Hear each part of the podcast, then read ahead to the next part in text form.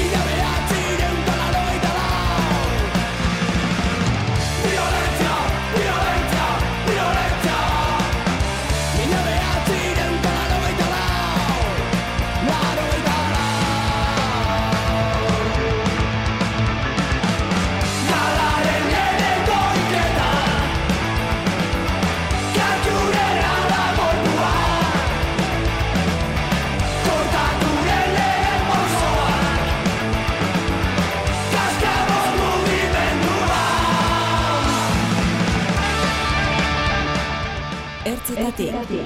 Ertzetako soinuak, erdigunera, dakarren espazioa.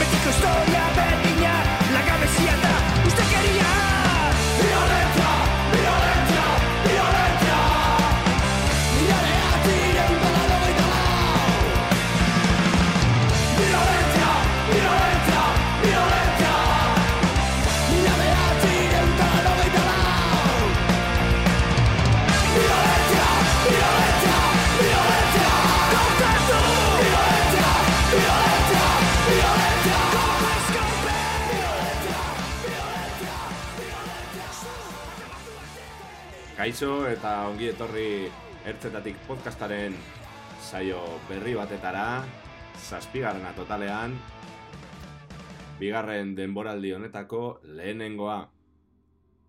Uda baino lehenago utzi genion podcasta egiteari, eta zera, e, sei podcast, sei atal utzi genituen lehenengo denboraldian, hor dituzue guztiak, Spotify, e, EITB-ko podcastetan eta gazteako webean.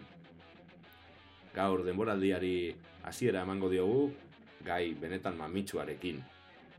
Gaur oiari buruz hitz egingo dugu. Eta horretarako betiko lez e, lagunak izango ditugu. Gonbidatu nagusi bezala, Asier Kortabarria moto izango dugu, bergaratik, kaleko urdangaken partaide, bietkon irurogeita sortzi partaide ere bai, eta txuntxun brigaden partaide ere bai, esan badaiteke. Beste partaide batzuen hitzekin eh, osatuko dugu oiari buruzko erreportai sume hau. Azteko entzuten, eh, fondoan entzuten ari garen horreaga zazpi zazpi sortzi izango ditugu, e, pepino izango dugu, horreagak e, duela amarkada bateko oiaren gorakada bizi izan zuen, e, talde garrantzitsuenetakoa izan zen, eta oraindik diskak grabatzen dituzte, adibidez, entzuten ari garen herri mina diska berria, 2008 batekoa. Jarraitzeko labana izango ditugu, e, labanako abeslaria bir, eta bueno, birrek ez daki euskeraz, horregatik bikoizketa egin, egin diot. Eta bueno, berak kontatuko digu bere taldean nola bizi duten oi jarrera, e, aurretik beste talde bat zuten, exen, e, oi munduari oso lotutare bai, pasaren urtien epe berria atera zuten, Blacklist, eta oso pozik e, bir gurekin izateagaitik, oia berarentzat zer den azalduko digulako. Bukatzeko Thatchers Iruñako irukotea izango dugu. Aurten iruzpalau amizlarri EPA atera dute eta Euskal Herriko baster guztiak naztu dituzte euren mm, post-punk kutsuko oi melodikoarekin. Oia iruro eta marreko amarkadan hasi zen egiten Ingalaterra batez ere, baina Europako hiri handi askotan, batez ere langileria auzoa auzoetan eta Euskal Herrira oso goiz heldu zen, punka bezain goiz, e, zikatriz bezalako taldeek bazituzten oia bestiak, eta bueno, letretan kutsu nahiko politikoa eta klase borrokari buruzkoa dute. Baina, bueno, hauek nire esamesak besterik ez dira, beraz, hasi ezagun irratsaioa. Tatxersekin, utziko zeituzteko. Opa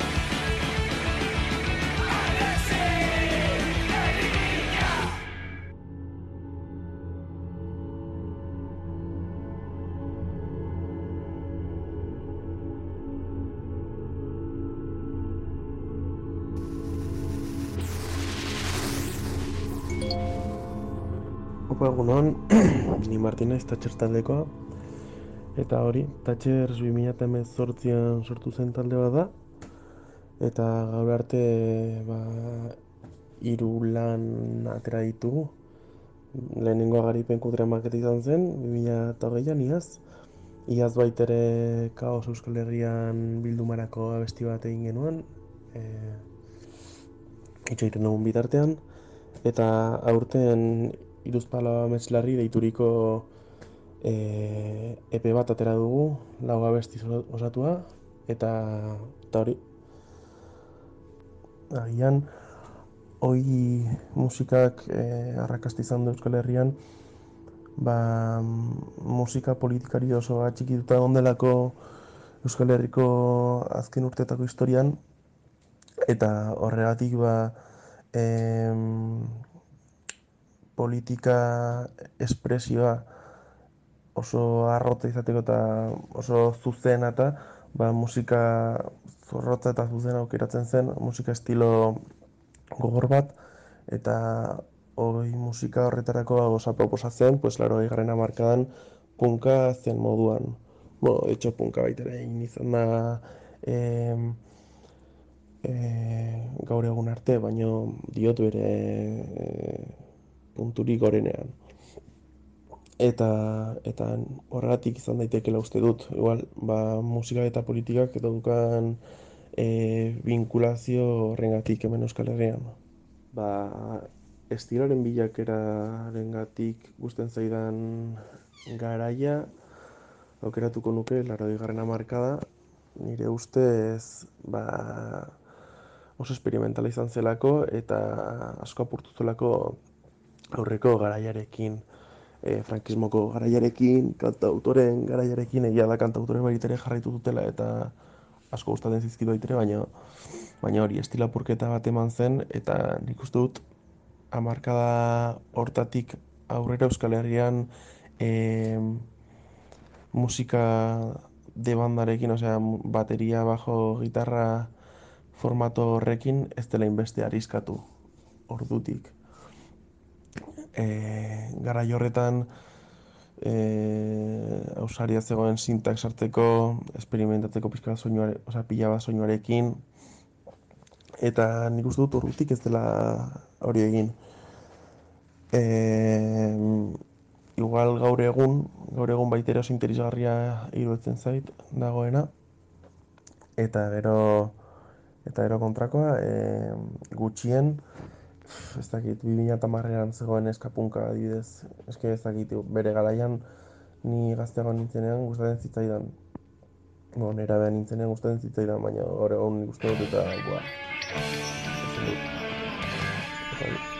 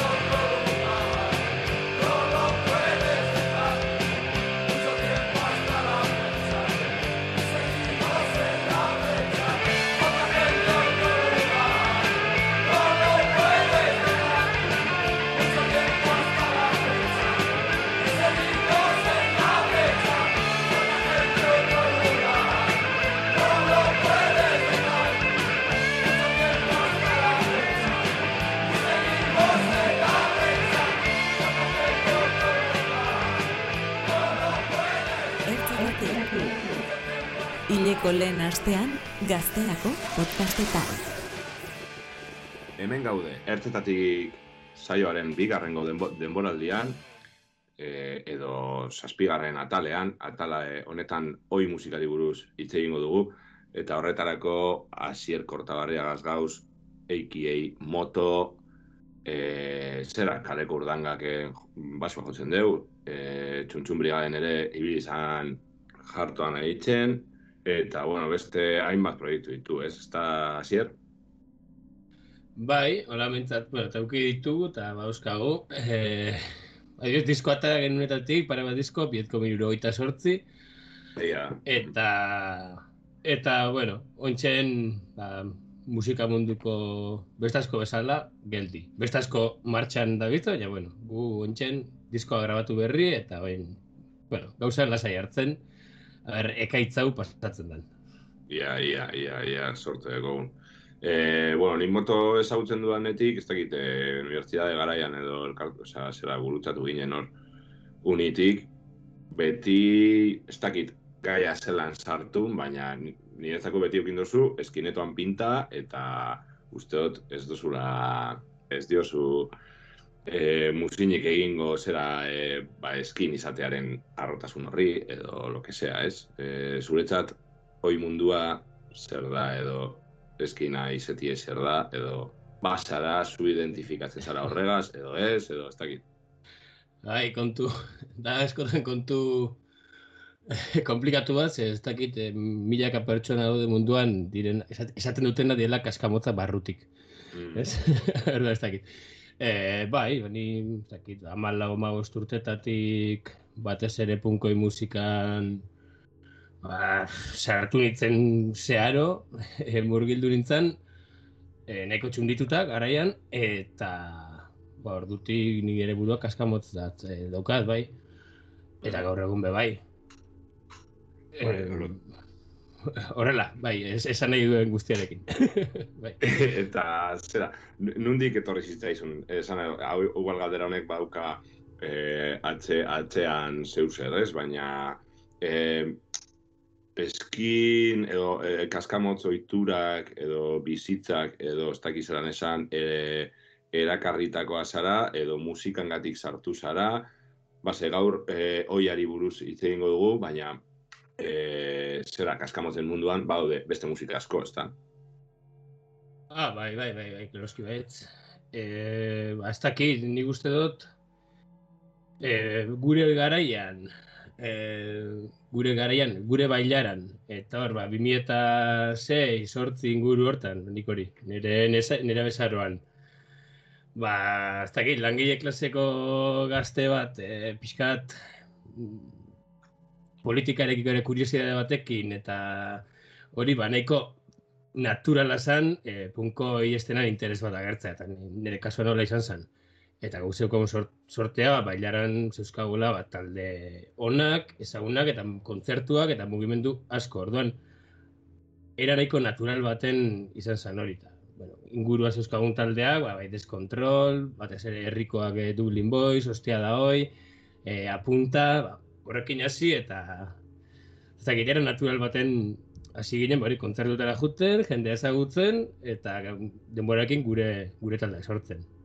Eta Mm. bai, musika aldetik, ba hori, igual, oi musika izan daiteke jende askorentzat, e, kaskamot mugimenduaren referentziazko musika, beste kaskamot askorentzat eta beste jende askorentzat, ba, jamaikar soinuak izango dira gehiago, eta egongo dira beste batzuk, ba, beraien referentziak Amerikako hardcoretik hartuko dituztenak, eta ba, gehiengo batek esango nuke pixkatanetik e, izan, izango duela referentzia bezala.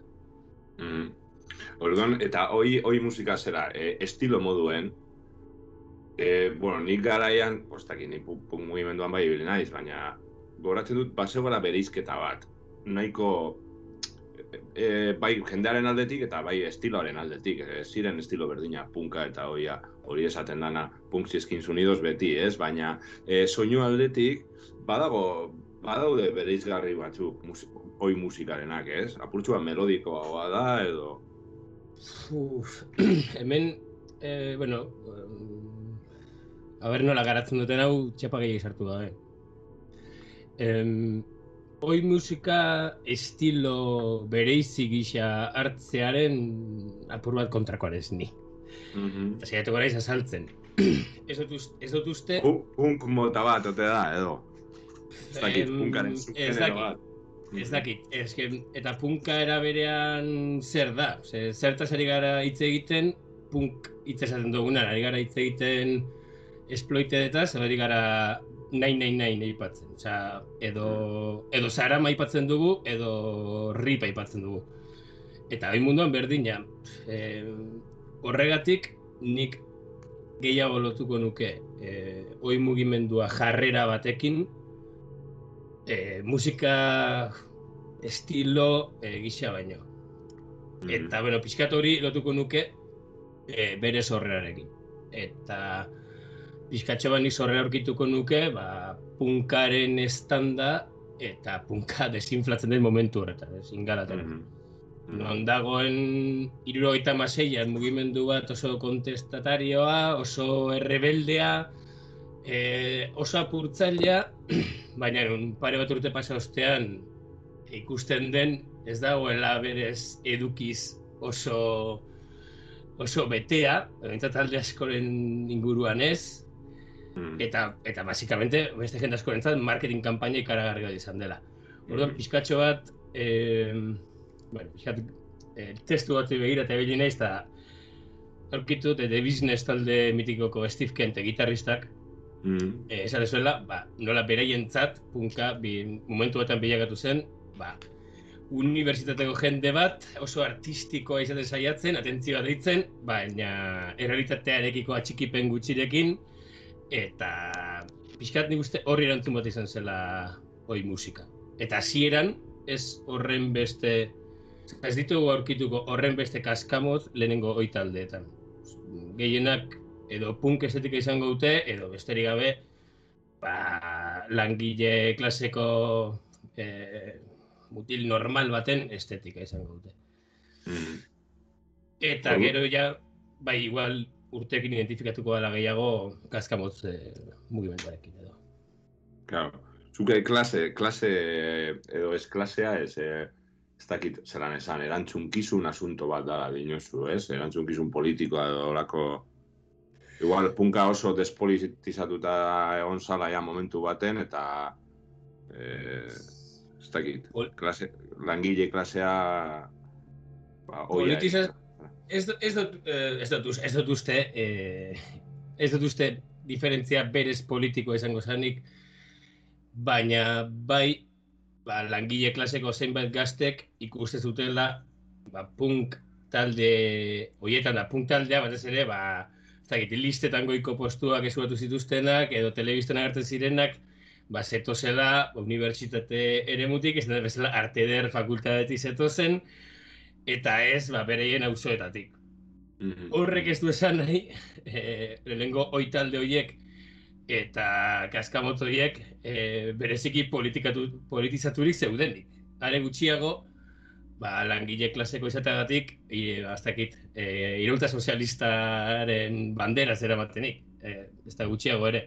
Baina bai hori, ikusi zutela, ba, punk rocka edo deitu dezakegun hortan, ba, ez, ez zirela beraien interesak eta beraien e, beraien gaiak eta beraien kezkak ba, azaltzen, ez?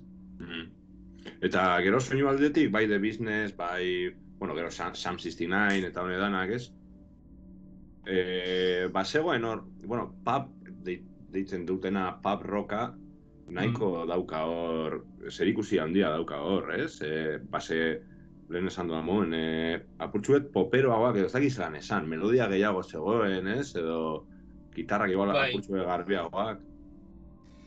Bai, baina ez dakit, eske lehenengo punk olatua ere, Bazkok zeu nahi nene hartzen baitu oso, oso, melo, oso musika melodika aurkituko dugu. Baina bai, eh, adibidez hartzen baitu ba, lehenengo talde gisa, ba, hori Sham 69, Cook Sparrer, askoz denbora gehiago da, dijo ala punka jaio baino lehen ere hor zebiltzala, eta Mhm. hoi munduan gerorako identifikatuko direna, baina sartu ditzakegu hor, hasierako oi taldeak, ez dakit horrela ditu ditzakegun, izan ere, ba, oi musikari edo aurretik pilpilean zegoen e, mugimendu guzti horri, Garri Baxel e, kasetariak mila bat da lauro gehian jarri zion oi izena. Ordurako talde askoia martxan zeuden. Adibidez, ba, Sham 69, Edukuk Sparrer, e, Kunirriek beraiek oso gazte, eta bai talde hauetan, bai rockaren influentziaz, e, tabernako kantuen, eta batez ere futbol zeleietako kantuen influentzia nabarmena dala, ez? Eta bai, ba, koro asko ikusiko ditugu, txaloak, eta e, hor bai bastante nabaritzen dela. Baina, ja, hortik aurrera, etorriko diren taldeetan, nik uste jongo diala garatzen, hainbat arrama, eta batzuk eramango dute e, ba, soinu bortitzagoetarako bide bat, e, askoz, ez dakit, zakarragoa, eta ez erren beste melodiorekin, eta beste batzuk jarraituko dute bide horrendik melodikoago batzuk esploratzen, ez? Orduan, bueno, pixka bat danetik aurkitu daiteke nik uste musikalki. Mm. Bai, e, hori igual gero aztertuko dugu, e, baina, bueno, igual e, zera, e, pasarte hau izteko edo entzungo dugu Street Where You, li where you Live e, de businessena edo, bueno, baukazu beste, beste favorito den bat. Eh, ondo kantu hori, ondo iruditzen zait.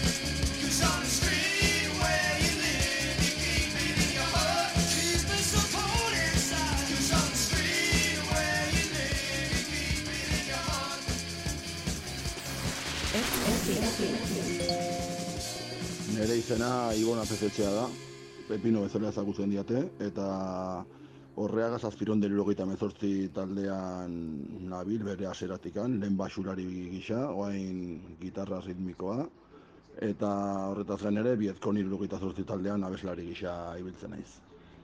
Zer da hoia?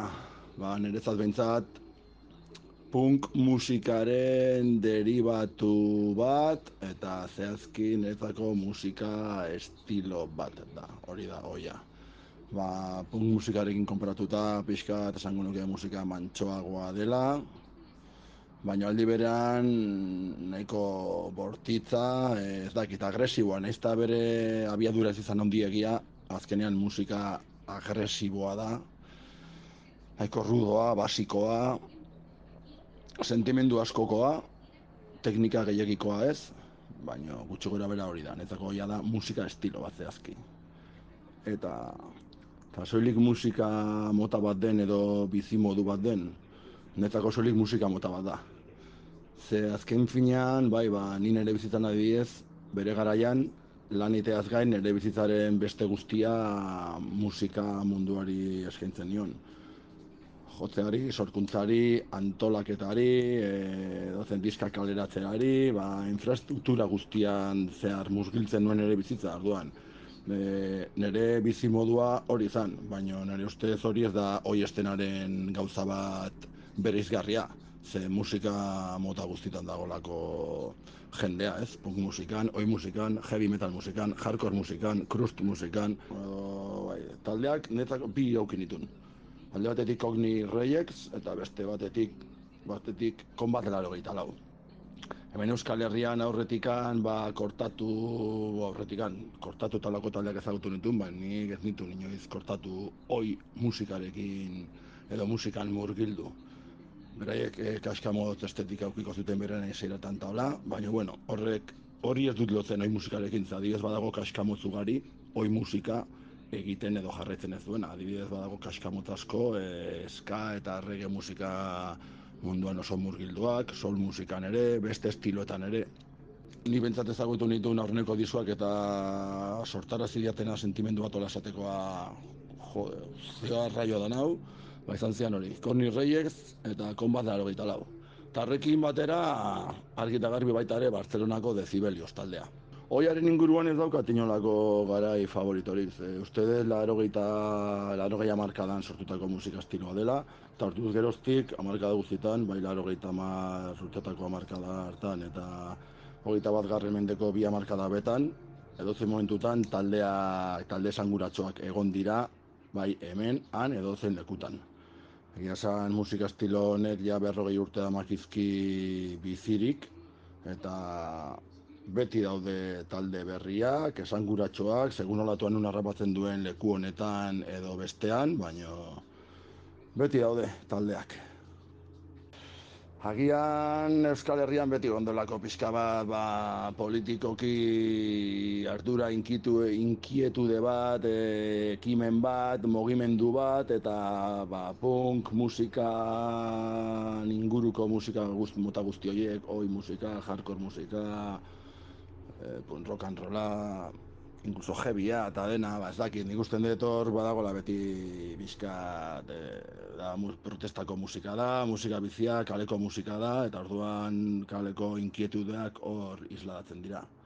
Eta hoi musikak, ba, bazaukan abantail, ba, nire ustez hemen ez dago musika maila oso basikoa da, musika mota hori egiten dagoen jendea oso oso erraza da hartu emanerako, oso hurbileko jendea da, kaleko jendea da, e, inolako izar izateko aspiraziorik gabe, orduan oso hurbilekoa izan da baita ere inguruko jendearentzat, asekiblea esango nuke, eta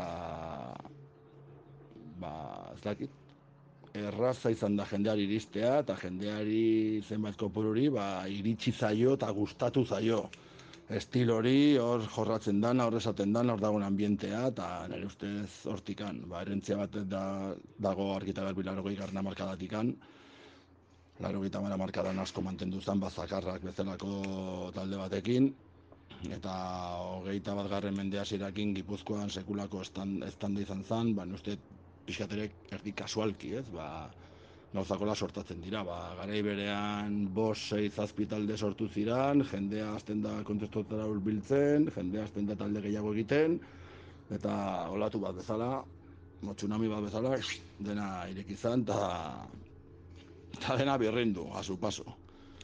Ba, hori da nire ustea.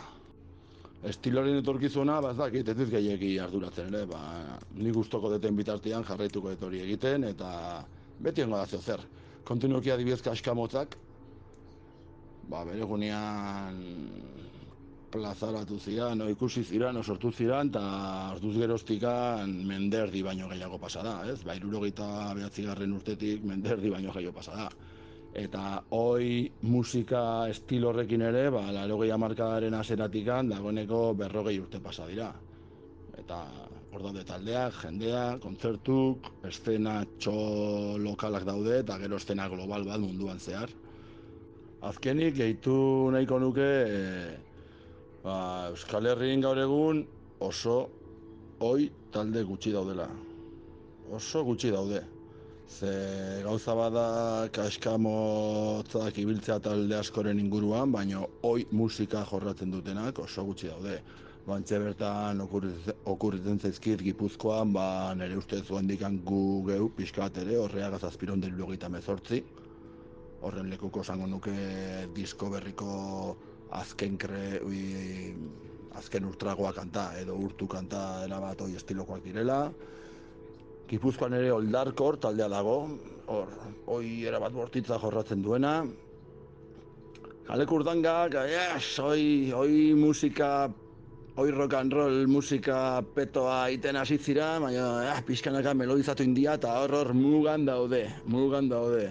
Hoi estilotik ateatzeko ja mugan daude.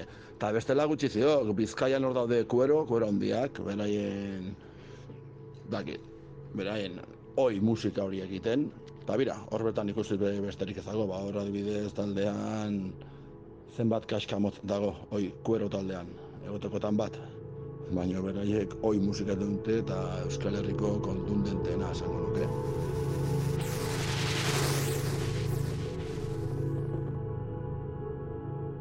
Ertzetatik entzuten ari zara. Mikel Izarraren podcasta Gaztea. Bueltan gaude motorekin, e, zera kaleko urdangakeko, e, zuk kaleko urdangaken e, bajua jo baino gehiago egiten duzu, ez? E, Asier, oza, e, zelan da, la cara visible edo, ez zara? Ah, ez, ez, ez, ez neukan nola pertsibituta. Ez uste, eh, gainera, bueno, bai, eh, bajoa jo baino gehiago igual, diseinure ematen izan dut, eta bueno, taldeko oiko bizian parte hartu, baina adibidez, komposizioan badaude, ni baino pixu gehiago kideak, adibidez biru, gitarra jolea, eta Zer esango dizut, e, hitz egin dugu, hitz egin dugu apurtxu bet, e, hasierei buruz beti e, zera erresuma batuan, ez? Lehen ez dugula komentatu. E, baina, bueno, e, Euskal Herrian ere izan ditugu olako talde ez dakit, pseudo oi, edo proto oi, edo proto kaskamotz, edo, osea, kortatu daude hor, hori ezin da, zera, ez dakit zelan esan, ez? Osea, Fermin beti egongo da, bai, bai, eh, noski. ertzetatik saio guztietan. E, eta, bueno, ni- niri graziasko e, e, egiten zian Madrileko lagunek eta e, esaten zidatenean, tio, los zakarrak, los zakarrak Zakarrak, sí que molan. Eta, jo, zakarrak izan zen talde bat, gero ora utzi duela olako poso bat, ez? E, zena horretan, edo. Batez ere Euskal Herrian oi mundutik kanpora ez dudalako uste balio asko emat, izan zaionik talde honi, baina oi mugimenduan eh, sakarrak izango da mundu ez, ez eh, Euskal Herrian edo estatu mailan edo ez, ez mundu mailan para erogeita marra markadako ba, top bostean edo top iruan egongo den talde bat. Mhm. Eta horreta horrela beste asko Euskal Herritik atera direnak. Eta aipatu duzu kortatu, eta ba, seguraski e, Ferminek eta kortatuko lagunek e, eman zioren zabalpena gabe, ba ez ginak egongo gaur egun Euskal Herrian oi musika hitz egiten. Mhm. Baina, baina, bueno, laro garren amarkada hasiera hasieratik e, punka edo rock radikal basko gero daituko den hori sortzen hasten den momentutik oi musika oso presentea Euskal Herrian hau da ez da beranduago etorriko den gauza bat. Mm. Em, aipatu nahiko nuke puñetazo, ripen inguruko jendean sortut, e, sortutako talde bat, Bai. ja da kaskamotzez osatua eta bereien burua oi talde gisa kontxiratzen zutenak. Baina adibidez, entzuten bai duzu Ripek egiten zituen bertsioak, Ripek bertsionatzen zituen Foreskins, bertsionatzen zituen Kugni Reject, bertsionatzen zituen The Addicts, e, Cicatriz bereiek Kugni Reject taldearen oso fanak ziren, eta osea, oso presente egon dela musika hasieratik. Mm. Baina eta baina batez ezen izango nik uste, batez ere kortatura arte nun ja jende kaskamoz desente biltzen hasiko zen ie- hirietan eta baina ez horren beste taldeak sortzen edo taldeak sortzen eta sortu behar zituzten ba diska kaleratu gabe, adiz hor daude Quinta Asamblea baita, Mm. eta beste zenbait talde, eta nik uste bai, ja, laro eta margarren amarkadara sartzen bagara, ja, pixkatxo bat, e, kaskamozolatu hori jeitxita, eta agian kortatu amaituta, eta pixkat beste, Euskal Herrian ere beste giro musikal baten, ez, negu gorriakekin, e, zutagarrekin, eta gainontzeko estiloen estanda batekin, ba hor nik uste izen garrantzitsuena dela sakarrak. Duda gabe. Eh, Gerora badago beste, bueno, ez dakit, igual salto handia emango dut. Baina gerora zera bilakaera bat egon da, e, gaur egun ezagutzen dugun oi musikara arte edo kaskamoten musikara arte, ez? Eta hor egon zan momentu bat, e, zera, zu barduliako zara, ez da, edo ni erratetan Bai. hau. Eta hor, ze, ze, ze rollo egon zan, ba, ze nik ez dakit oso ondo, ze rollo egon zan, e, e, bar, e, han bardule, zelan da, Holidaysen in bardulia egiten zen jaialdiarekin, eta bueno, gerora ez dakit erlazio handia daukan e, deskontrolen e, asuntoarekin, baina honekin sartu nahi dudan gaia da zera, e, oi munduan edo kaskamotzen mundu, munduan dagoen ez dakit kontrol handia dan edo zer dan, ez? Baina beti susmo hori ia talde bat fasista dan edo bestie ez dan edo zer dakit. A ver. Em... Sim, historia di begiratzen badiogu, eta begira nondik hasiko ere izen, eh, ez dakinik ere nondik. Em, denek gustatzen zaizkigu, batez ere, ba, munduaren lurarkero errasten dutelako, ba, kontaketa nahiko manikeoak, nun dauzkagun alde batetik onak eta bestetik txarrak. Eta nahi izaten dugu askotan historia egokitzea e, gure pentsamendu. Eta orduan, ba, gaitezke esaten bai, kaskamotza Jamaikan sortu ziren, eta etorri ziren, orduan e, ez dagoen kaskamotzen nazirik, eta kaskamotza gainera ja komunistak danak. Mm. Eta da, hori arrabalitz, ni oso egongo nintzateke, baina historia tristea da, ba, batez ere ba, larogei garren amarkada hasiera hasieratik, Inglaterran da munduan zehar, eta hemen ere izan ditugu adibideak, ba, nazi andanak e, erabiltela e, kaskamot estetika, kaskamot fasisten indarra sekulako izan dela mendebalde guztian, eta hori hor dagoela. Mm. Eta eta eta hori horrela hasi zenetik, ba, kaskamot mugimendua, osea, iaia desagerrarazi zuten fasistek. Laro garren hamarkada bukaeratik sortzen da kaskamot arrazismoaren aurkako kaskamotzen mugimendua, e, red eskinak e, ere bai, eta pixka bat, ba, agian e, aurre egite zaio horri, baita ere mundu mailan eta nolabait konfrontazio fase bat irekitzen da, ez? Eh, eta nik uste lortu zela konfrontatzea. Eta nolabait baita ere gizartea irakustea, ba, jende hori soberan zegoela. Mm.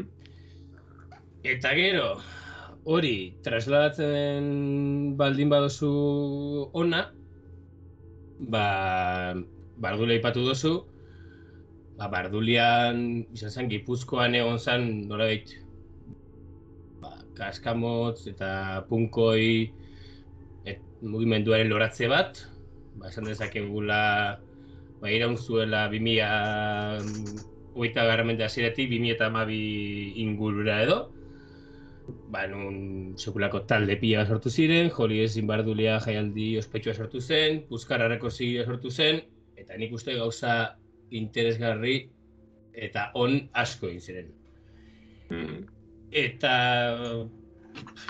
eta ondoren ba, egon zen ba, berak, berakada bat. Eta berakada bat, eta ba, Gipuzkoatik gainontzeko probintzietan ibiltzen zen jendearekin ba, ezin ikusi bat.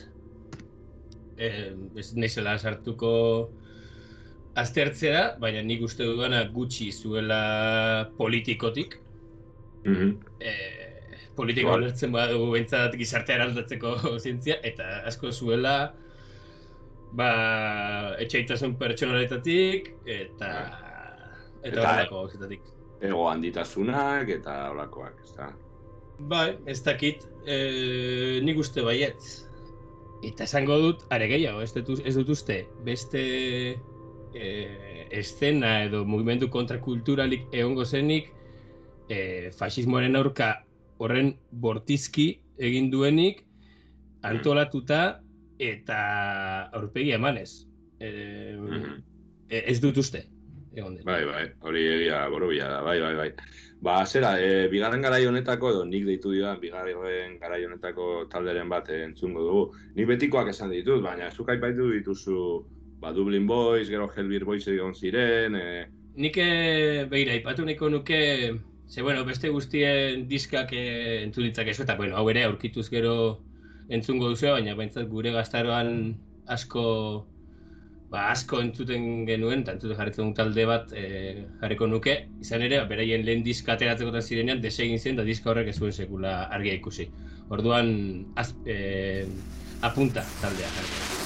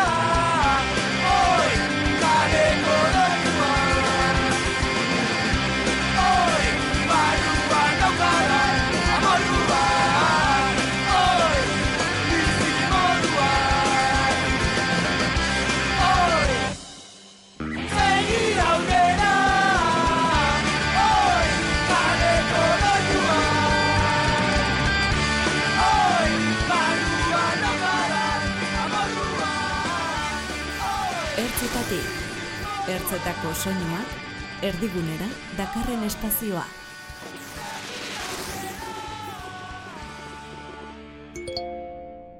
La Habana como tal se gesta como a finales de 2019. Eh, nosotras veníamos de Hexen. La Habana, berez, y 2019 la amaieran sortu zen. poco cuando Exenetik Vicky, eh, gento zen, eta erabakia biki atzerrira joatean hartu genuen. Musicalmente, si hablamos de la parte musical, eh, te diría que evidentemente Hexen suena más a hoy que La Habana, ¿vale? Esto visto para cualquiera desde fuera.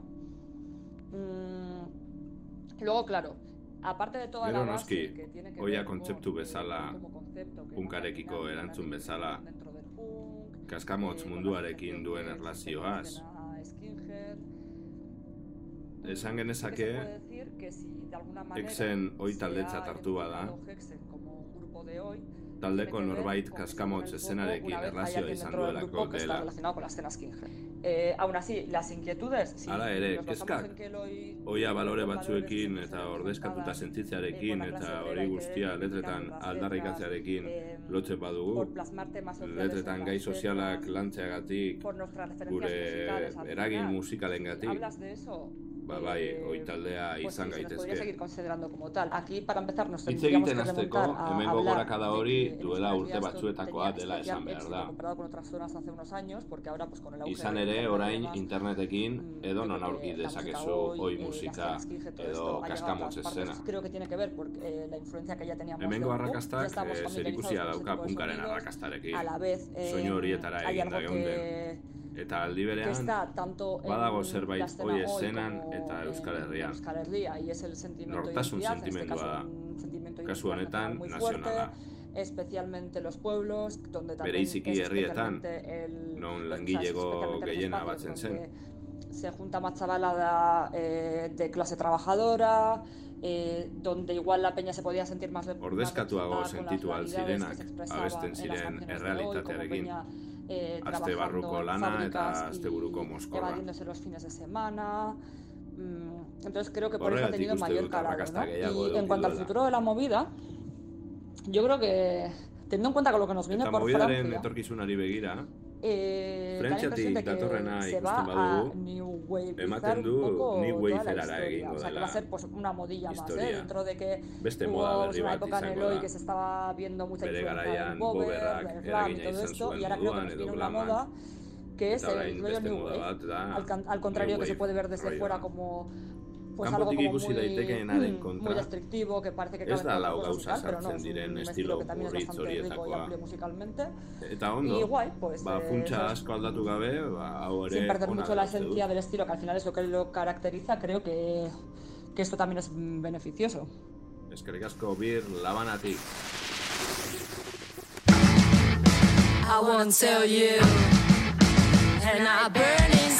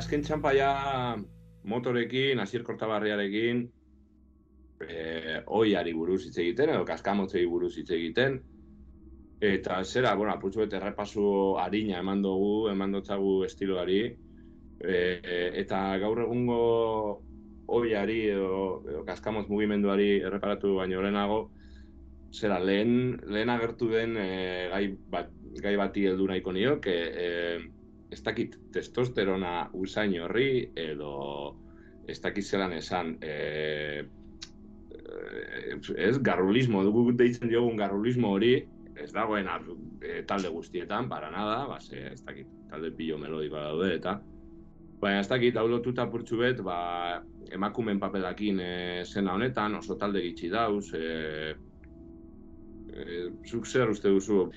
Eh, nik uste dut, que kaskamotz mugimendua, eh, punkoi mugimendua, ez direla impermeableak. Eh, Bai. gizart, gizartea, ez dela gizartetik at. eh, naiz eta igual, asko kala nahi izango nuken, ez dago. Eta beraz, ba, bizi, bizi dugun gizarte kapitalista ustel honen, ba, bizio txar guztiak ere ba, e, gurean ditugula. Eta bien artean, ba, egon den eta egoten jarraitzen duen ba, sekulako genero arrakala bat. Hori e, horrela da, eta horrela ikusten da batez ere, e, ez horren beste, e, estenatoki azpian, e, ez dagoelako emakumerik, ze asko daude, baina e, egia da eta nabarmena da, ba, salbu batzuk duta, ba, emakume gutxi ikusten dugula e, punkoi taldeetan estenatoki gainean. Oro har ikusten dugun bezala nik uste, naiz eta ba, lantzaian e, berdintzen ari dan e, zenbait e, generotan, ba, arakala hori existitzen dela nik uste, ba, bai gizartean, baina bai musikan, eta baita literaturan ere, eta baita beste hainbat esparrutan. Bai. Eta zergatik, ba, ba, ba, bai, agian, ba, bai, da genero bat, bat testosterona bastante duela, bai, bai, bai. Eta, eta, eta, baina, ez, nire ustez horrek ez du, ez du azaltzen. Bestela, horrek esan nahiko luke, ez, ez zirela ongo emakumeak pogoan eta badaude. Ja, Edo ez zirela ongo emakumeak beste gauzatzuk egiten, eta badaude. Agi, agian da, ba, gizonezkook eh, ez ditugula sortzen behar, behar diren baldintzak emakumeak taula gainera eh, lasai ego daitez. Ho- Hor ikusten dut gehiago, arrazoia eh, testosteronan edo musika beraren eh, agresibitatean edo beste edo zertan, baino nik uste dut ba hori, ez ditugula e, baldintza jarri, e, estenan dauden emakume horiek lasaitasunez e, pauso hori eman dezaten, ez? Estenatoki azpitik, estenatoki gainera. Ze bestela ez esplikatzen. Orduan, horren hori konpontzeko zer egin dezakegun, ba, ba, galdera elegantea, etorkizun baten erantzuteko. Bai, bai, eta, bueno, eta egon dira, eh? E, e, oza, adibidez, e, Bardulia garaian Against the Rapist, e, boste emakume osatua zegoen talde bat, e, Sobrios de Mistok, gaur egun Perlata etortze burura, Fakta, Def Squad, e, egon dira emakumeak teola gainean. Baina, e, ikusten baduzu, estereotoki azpian, dauden propor, proportzioak, Ja. ez da urrutitik ere ez dira hurbiltzen, ez estenatoki gainean.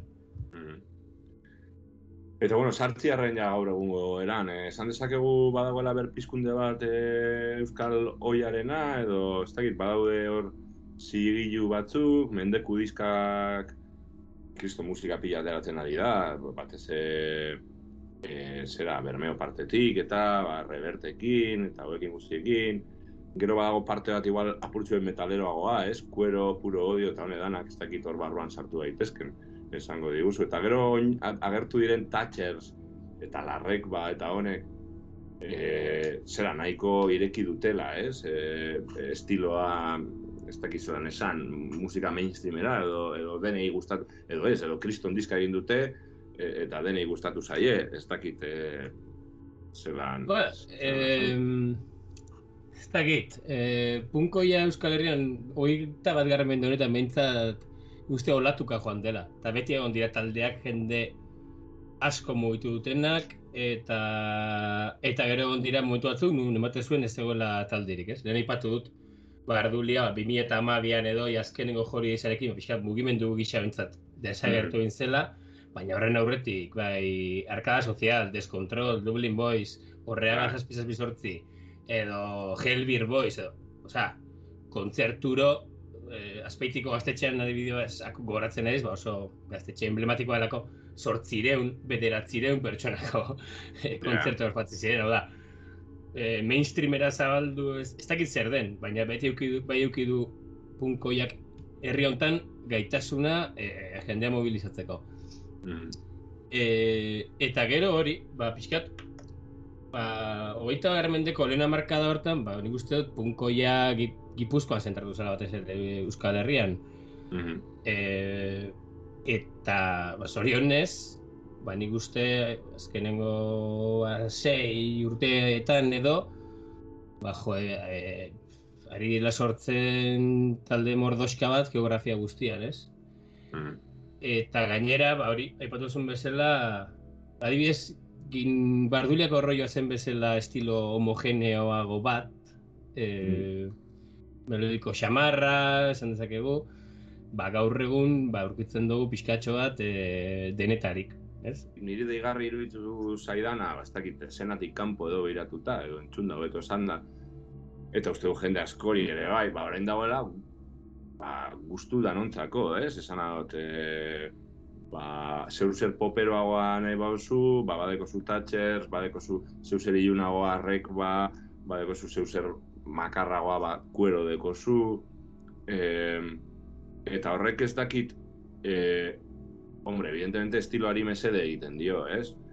Baina, igual estiloa ez dakit desfiguratu egiten du edo edo estiloaren mugak apurtzen ditu apurtxu bet eta horregatik gustatu zaigu hainbeste jenderi edo Nik uste dut arazoa dagola, e, nola perzibitzen duen jendeak oi musika. Perzibitzen badu estilo bat bezala, ba, igual bai, erantzun izango litzateke bai. Jaren aipatu dut, e, nik ez dutela perzi, e, perzibitzen estilo bat gisa, baizik hori gehiago ba, jarrera bat edo nahi izate bat, kasi kasi. Bai, je- jendeak kontrakoa pentsatuko du, baina nik horrela sinisten dut. Horregatik, eh, esaten bai norbaitek, bai, eske Thatcher ezek egiten duena, hoi estena, hoi musikatik oso urrun dago, eta izango, bueno, depende ze taldetatik. Nik uste dut, hoi musika, hoi mugimendua beti izan dela plurala, eta egon direla adierazpen oso ezberdinak, agian, Euskal Herrian ez direla loratu, eta Mm. gaur egun, ba, jendea ari dela esploratzen musika, eta bakoitzak bere bidea jorratzen duela, ez? mm, Baina ez dut uste, eta gainera ez kezait bat ere axola, est- estiloa desitxuretzen bada. Osa, Ah. pues, eh, kaskamoz mugindua beti izan da hori, heterogeneoa, irekia eta gauza asko barne bildu dituen, orduan, ba, geroz eta influentzia eta gauza hobeak euki, hobeto. hau belaunaldi berri bate bati esker gertatzen dagoela uste duzu edo base, jende nahiko gaztea da orain eh, musika egiten ari dena, eh? Bai, baina jende da jende gaztea eh ez dakit, adibidez gure kontzertutan ezagutu nuena nik edo ba edo Reagaren kontzertuan egon direnak edo beste zenbait talde entzuten, hau da. Aurretik Mm. egon zirena gabe guk ez genuke zer egingo eta gaur egun daudenak ere nolabait eh gure fruitu dira. E, orduan, Bai. em, belaunaldi hau, ba, ole, ole, ba, oso ongi. Eta egiten den dena ongi, eta a, egin dezatela dena gu baino beto, eta ez ditzatela egin guk errepikatu guk egindako akatsak. e, politikak, politikatik aldentzen ari da apurtxu bet. E, estilo, edo, az, edo azkenik e, entzun ditugun talde asko ez dira hain esplizituak politikoki, ez? Formetan bai, ba, jotzen dute zirkuito horretan, ez? Eta, ba, igual Baina- musikan... e, em, barkatu mostea, eh? eh Bai, bai. Baina, mm, adibidez niri ez- zait, eh, zait, zait, jola. Denborarekin gero ez gutxiago. Mhm. Hau da, politiketik aldentzen ari da, ez dut uste. Eh, ez dut uste. Eta gauza da zer ulertzen dugun politiko. Ez letra esplizituak egitea ez da, ez da, ez da politika eta sarri ez du zer ikusirik. Hau da, Mhm. nik uste politika eh, talde batek erakutsi behar duela eguneroko praktikan eh, eta militantzian. Izan talde gisa edo norbanako gisa. Hor, hor, hor egiten da politika. Eta bai, musikak balio dezake ba, zenbait ideien katalizatzaile bezala, e, piztu dezake txinparta bat, ez? Ba, pertsona baten barruan e, militatzera bultzatuko duena edo dena alakoa. Baina nik uste e, lotura hori astu behar dugula pixka. Eta eta hori, ba, talde batek abesten duena gati baino hobeto dugula epaitzea bere jarreren gatik eta egiten duen lan benetan politikoa. Mhm. Hor, hau, txapa hartuta. Ez dut uste e, gaur egungo belaunaldia beste bat aurrekoa baino e, despolitizat, despolitizatuago dagoenik. Dut. Mhm. Bueno, eta bukatzeko moto, zelan ikuste duzu etorkizune, ez bakarrik oi munduen, zera musika munduen, Euskal Herrien, Ba, etorkizuna momentuz ikus dezaket oparo. E, lehen aipatu eta jende askorekin hitz egin dut honetaz, a, punkoi mundua horrela doa, zenbait urtetan egoten dira gorakadak, gertatzen da zerbait, eta eraiki den guztia ematen du suntzitzen dela batetik bestera. Esan dut lehen, espero ikasi dugula dano bakoita bere akatxetatik, eta euki, espero dut euki elizatea, ba, estena osasuntxu bat, eh, alik eta eklektikoena, eta biziena, eta irekiena, eta bizkat lehen lotuta politizatu edo ez horrekin, ba hori. Ba, igual, hitz gutxiago eta eta egin gehiago engo duena. hori da, Ba, hori da nire esperantza, espero hola jotea. ba, zera, igual e, itxoiten dugun bitartean, Thatchersen temazoa jarriko dugu, e, kaosa Euskal Herrian e, Hori bilduman hori go- sartu zena. Hori bai, nuen, ba, eskot, a, e, hau lakartu honek ematen du ematen duenerako, eta nitor naiz txapa sartzen galdera bakoitzean, eta azkenean, ba, claro, hau entzuten duena, ba, esango du, ostia, esto ipatu hau, esto ipatu beste, eta gehiagi zentratu dira honetan. Aha. Baina, bueno, pixkatxo bat gaur egun Euskal Herrian mugitzen diren zenbait talde behintzat, ez guztiak, ez da gutxi ere, baina zenbait talde, e, bat, eta errekorzek ateratako kauza Euskal Herrian bilduman aurkituko dituzuela, eta, bueno, ba, pixkat, e, estena urrunetik e, ikusi izan duenaren entzat, ba, bueno, gaur egun Euskal Herrian egiten den hortan murgiltzeko aukera, aukera hona izan diteke. Aukera ona.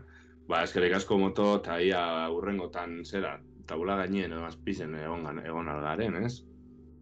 Ba, bai, ze horrek esango luke eh, danok ere pixu handi bat kenduko dugula gainetik eta berriro musikaz gozatzen gaudela. Vale, ba, e, oi, edo zer. Bai, bai, oi, oi. Venga, eskerrik asko.